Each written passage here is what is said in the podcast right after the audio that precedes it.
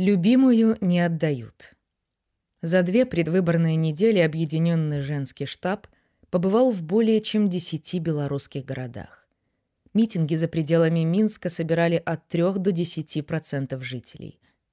Особенно активными оказались люди из небольших городов, например, Барановичей, для которых приезд объединенного штаба стал будто бы глотком свежего воздуха.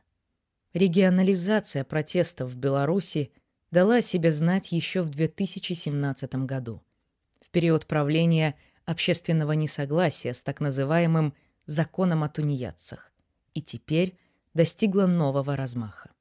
В это же время действующий на тот момент президент Беларуси Александр Лукашенко также совершал поездки. Он побывал в пяти городах, где говорил, что выборы не самое главное, что должно волновать белорусов сейчас, период уборочных работ. Также в присущей ему манере использовал оскорбительные слова в адрес уже находившихся в тюрьмах оппонентов, назвав Виктора Бабарика пузатым буржуем, а Валерия Цыпкала — шелудивым, что, видимо, означало «вышедшее из-под его контроля». По поводу женщин-политиков он по-прежнему высказывался снисходительно. Обращение Лукашенко к народу. 4 августа, за пять дней до выборов и в день начала досрочного голосования, активно используемого властями для фальсификации выборов, Лукашенко выступил с ежегодным обращением к народу и депутатам Национального собрания. Это обращение, по сути, было его предвыборной речью. Полуторачасовое выступление строилось по хорошо знакомой белорусским и белорусам модели. Сперва Лукашенко описал катастрофу, которая охватила планету, противостояние мировых сил и место в нем миролюбивой Беларуси. Затем, описывая ситуацию в стране, подчеркнул правильность выбранных им стратегий развития Беларуси, своего пути в целом и борьбы с ковидом в частности. В последней части речь шла об идеях для новой пятилетки. Из нового в этой речи были его реакции на заявления других кандидатов в президенты. Лукашенко напрямую отвечал им, называя их альтернативщиками – в том числе и тех, кто уже был отправлен в тюрьму. Именно в связи с предложением Виктора Бабарика вернуться к Конституции 1994 года, которую Лукашенко не раз перекраивал с целью усиления своих полномочий, он начал говорить о 1990-х, описывая их в чрезвычайно мрачных, гиперболизированных тонах. Белорусы в 90-х ходили в лаптях. Действующий президент пригрозил, что возврата в эти годы не будет. Также с нескрываемой злостью, как и своих оппонентов, упомянул молодежь. В частности, лицеистов Белорусского государственного университета и творческих людях, о которых он с пренебрежением сказал на тросянке «творцы». Это было связано с тем, что 28 июля 1158 выпускниц и выпускников лицея БГУ – а именно в этот лицей поступил накануне Коля Лукашенко, подписали открытое обращение, в котором требовали проведения честных выборов и соблюдения Конституции. Что касается белорусов, работающих в сфере культуры, то 1 июля они запустили в интернете мультимедийный проект «Культ-протест», который объединил значительное количество представителей и представительниц разных творческих профессий, как из независимой, так и государственной сфер, выступая за честные выборы и солидаризацию вокруг их отстаивания. Также прозвучало заявление об отказе сотрудничать с государством, пока оно занимается фальсификациями. Такого рода выступления и объединения происходили и в других профессиональных сферах и сообществах, что демонстрировало, насколько сильно стремление к переменам – охватило белорусское общество. Среди авторов и подписантов таких высказываний и обращений были известная биатлонистка Дарья Домрачева, фристайлистка, чемпионка мира по лыжной акробатике Александра Романовская и многократная призерка европейских и международных первенств, толкательница ядра Надежда Остапчук. Позже она также вошла в Координационный совет – несколько телеведущих государственных каналов, представители арт-сообщества, культуры и шоу-бизнеса, представители педагогического сообщества, выпускники ряда школ, гимназий и университетов.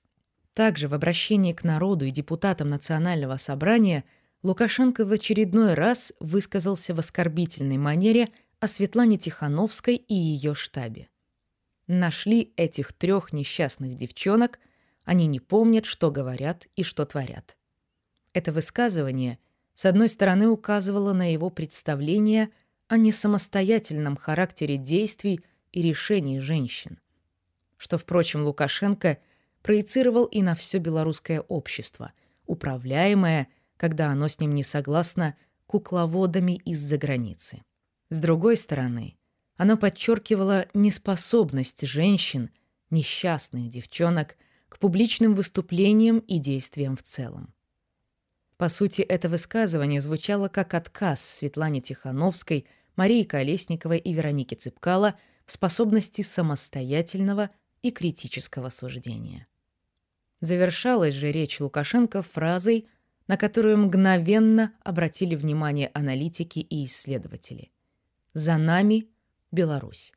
Чистая и светлая, честная и красивая, трудолюбивая, немножко наивная и чуть-чуть ранимая. Но она наша, она любимая, а любимую не отдают». Учитывая, что Лукашенко сам себя называет отцом, батькой, интерпретируя тем самым Беларусь как свою семью и собственность, смысл эта фраза имела достаточно однозначный. Она указывала на абьюзивные отношения в этой семье. Прилагательные «чистое», «светлое», «красивое», «честное», «трудолюбивое», «наивное» относились не только к Беларуси, но и к месту в ней женщины. Она должна была обслуживать и батьку, и семью, а ее внесемейное существование невозможно. Прилагательное «ранимое» в свою очередь намекало на семейное насилие. Однако тут же определялись и границы, в рамках которых женщине позволено о переживаемом насилии говорить. Чуть-чуть. Президент как муж нации.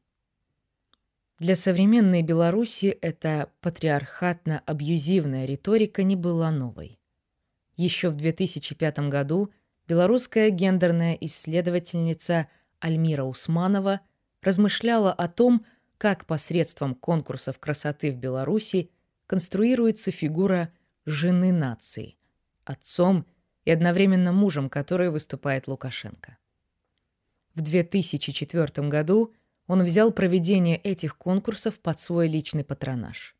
При этом, согласно ведущей государственной пропагандистской газете СБ «Советская Белоруссия», конкурсы красоты должны были ни много ни мало служить стартовой площадкой для попадания женщин в парламент. Победительница конкурса красоты – это воображаемый идеал белорусской женщины, как спортсмен – воображаемый идеал белорусского мужчины. Лукашенко сам также стремился ему соответствовать. При этом – как отмечает Альмира Усманова, дети у него есть, внуки есть, а место женщины рядом с ним пусто. Точнее, на этом месте оказываются разные женщины. Как правило, молодые, привлекательные девушки, многие из которых стали публичными фигурами, пройдя через фильтры конкурсов красоты. Исследовательница делает вывод, что таким образом Лукашенко как бы женат на всей нации, на всех ее женщинах, которым он неизменно покровительствует, если, конечно, они ведут себя достойно, то есть занимают отведенное им мужчинами место в обществе. Важной частью этого дискурса стала реакция Лукашенко на закон о противодействии насилию в семье. Этот закон много лет отстаивали белорусские НГО, занимающиеся правами женщин. А в июле 2018 года – концепцию соответствующего законопроекта подготовила и вынесла на публичное обсуждение Министерство внутренних дел Беларуси. Это было значимым шагом для белорусского гражданского общества. Закон отражал реальную проблему. Экспертки в этой сфере указывали на то, что в Беларуси домашнему насилию в той или иной форме подвергается каждая третья женщина. При этом существовало одно единственное полноценное круглосуточное убежище для пострадавших от домашнего насилия женщин Радислава. Также не было никаких адекватных механизмов ни для фиксации фактов насилия, ни для изоляции и наказания насильников. В результате чего три четверти случаев домашнего насилия до сих пор остаются безнаказанными. А также мер для профилактики домашнего насилия. На домашнее насилие как на значимую проблему указывали не только экспертки и эксперты, но и общество в целом. Так, исследование ценностей белорусского общества, проведенное Research Center IPM в 2019 году, показало, что 90% граждан осуждает насилие в семье. Тем не менее, в октябре 2018 года Александр Лукашенко заявил, что он не видит необходимости в отдельном законе о противодействии домашнему насилию, проект которого был подготовлен МВД. Он назвал его «дурью, взятой с Запада». По его мнению, этот закон не отвечает интересам и традициям белорусского народа, согласно которым родители могут и должны бить своих детей.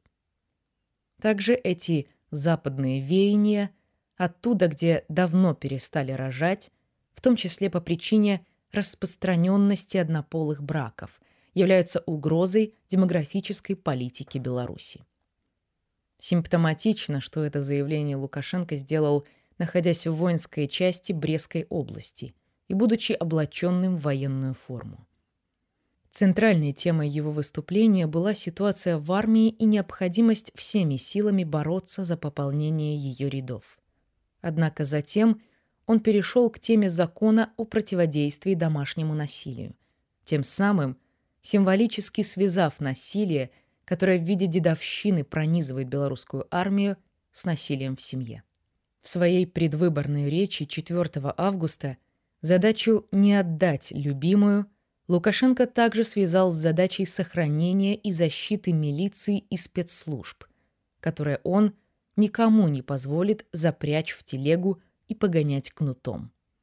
9-12 августа, в первые дни после президентских выборов, белорусское общество, а затем и мировая общественность столкнулись с последствиями и этих слов, и намерения Лукашенко всеми силами защищать насильников, превративших всю страну в жертву насилия и изнасилования.